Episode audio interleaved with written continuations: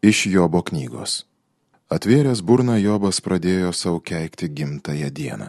Pradėjęs jis šitaip kalbėjo, kad mano gimimo diena būt pražuvus, naktis, kurią džiaugias žmogus štai pradėtas.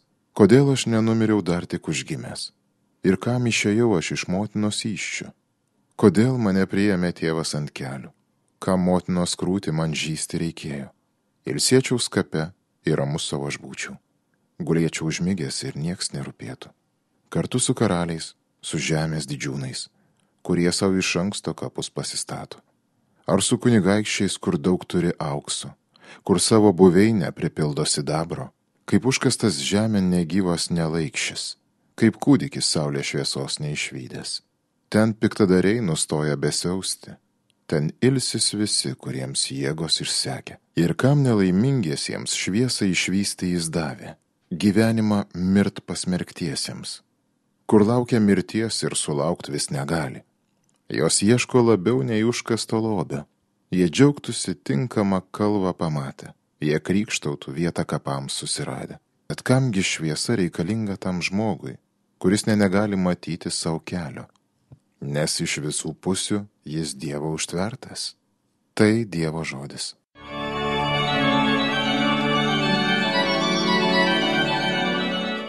Mano malda tave viešpatė te pasiekia, o viešpatė mano gelbėtojau Dieve.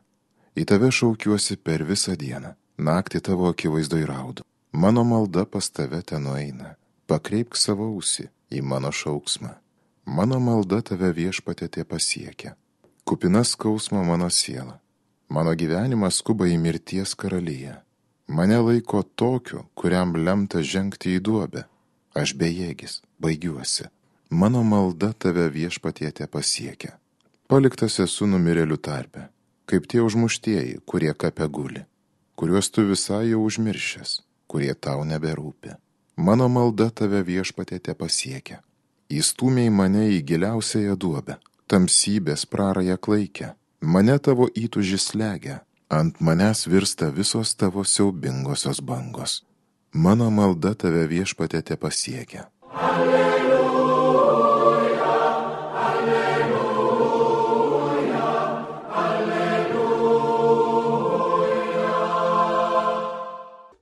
Žmogaus sunus atėjo, kad pats tarnautų ir savo gyvybės kainą daugybę išpirktų.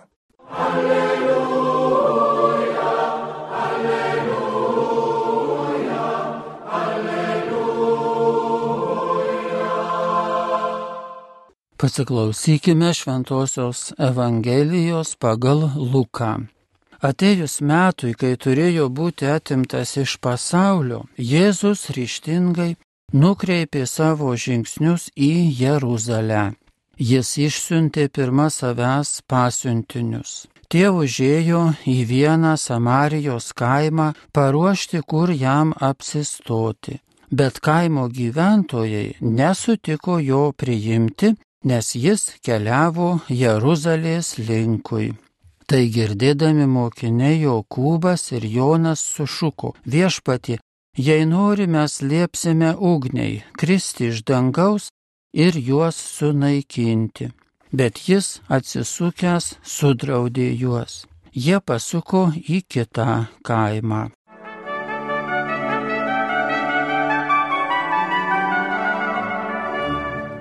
Turbūt šį e, Evangelijos epizodą galime labai vaisingai, šiandieniškai interpretuoti, jeigu šiek tiek žvelgtume gal taip simbolinę prasme. Visų pirma, kodėl Samarijos gyventojai nepriėmė Jėzaus apsistoti.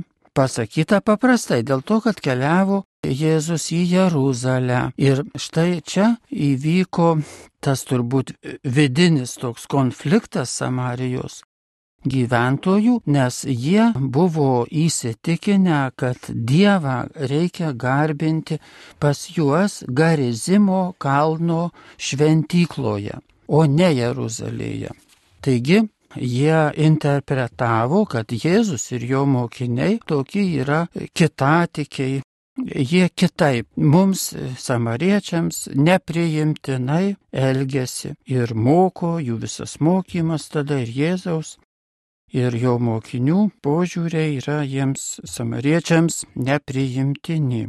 Ir tai toks universalus turbūt bruožas yra žmonių, kada, sakykime, mūsų, vat, galim savyje galbūt ieškoti to, kada mūsų įsitikinimai arba mūsų supratimas apie Dievą, kaip ir samariečių, nes jie buvo apie Dievą įsitikinę ir jie tikėjo Dievą. Ir tas tikėjimas jis buvo labai netobulas, galim sakyti, Ir jis tapo kliūtimi priimti Jėzų. Tai paradoksalu. Jų supratimas apie Dievą sutrukdė jiems atpažinti Jėzuje Dievo malonę. Kad Dievo malonė Jėzaus asmenyje eina per jų tiesiog gyvenimą, per jų kaimą. Ir dėl to, kad jie buvo įsitikinę, įsitvirtinę savo tokiam savotiškam tikėjimo supratime, jie ne, net pažino, sakytume, Jėzaus esmės, gal universaliau, galim sakyti, net pažino Dievo malonės veikimo tuo metu, kai jie gyveno. Ir tai yra ir šiandieną tas pat vyksta. Taip, šiandieną mes neatpažįstame arba esame tam pavojui, neatpažinti, kad Dievo malonė eina tiesiog per tavo, sakykime, kambarį, per tavo profesinį gyvenimą, per tavo tą tikėjimą.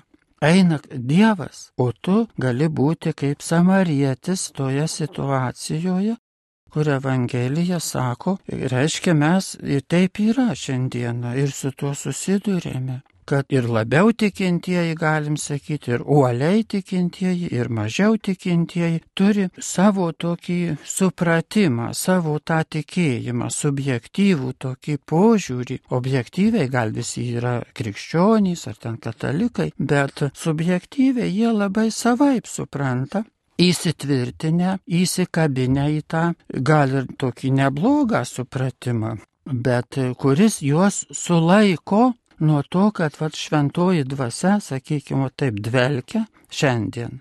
Arba eina ta Dievo malonė duodama ir jie prašosi, kad tu peržiūrėk savo tuos supratimus apie Dievą, apie savo paties tą praktikuojamą krikščioniškumą, peržiūrėk, pertikrink, koreguok, tobulink. Tada tai yra, reiškia, kelias sudaryti galimybę priimti į savo gyvenimą tą, ką Dievas nuolatos nori mums duoti arba ir duoda, galim sakyti. Dievas nuolatos duoda, kad tas Jėzus perkelti, nesakytume, tai prasme, ar, ar nu kaip norim mistika čia gal kokia gali būti, kad Dievas, Jėzus ar šventoji dvasia, jie eina per mūsų gyvenimą, jie ateina naujai, naujų būdų ir jie nori, kad mes žmonės visuomet būtume atviri pataisyti savo pažiūras koreguoti savo supratimą apie Dievą, kaip mes suprantame.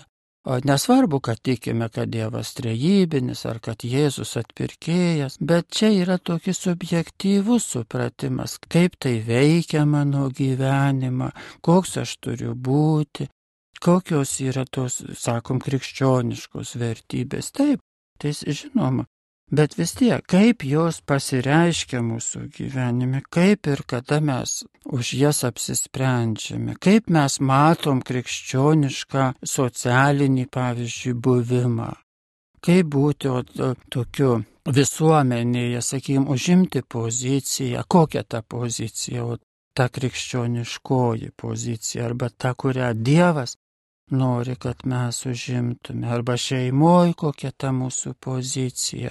Tokia ar kitokia, nelengva suprasti, bet klaida arba kliūtis tikrai yra.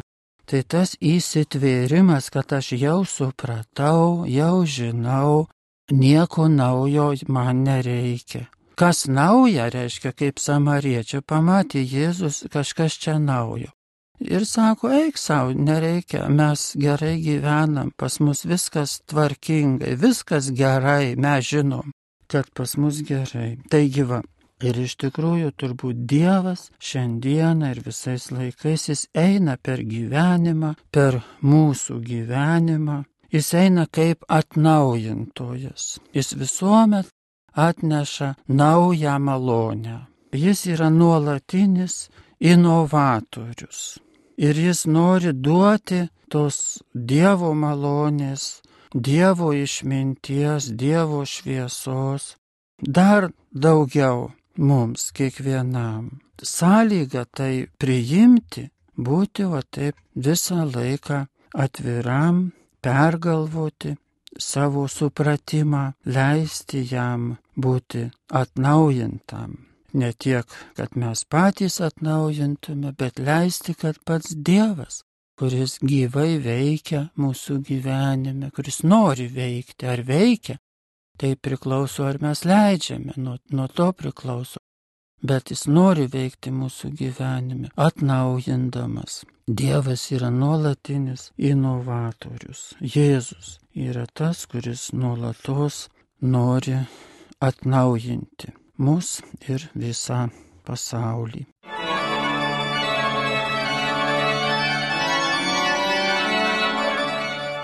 Homilija sakė profesorius, habilituotas teologijos mokslų daktaras, kunigas Romualdas Dulskis.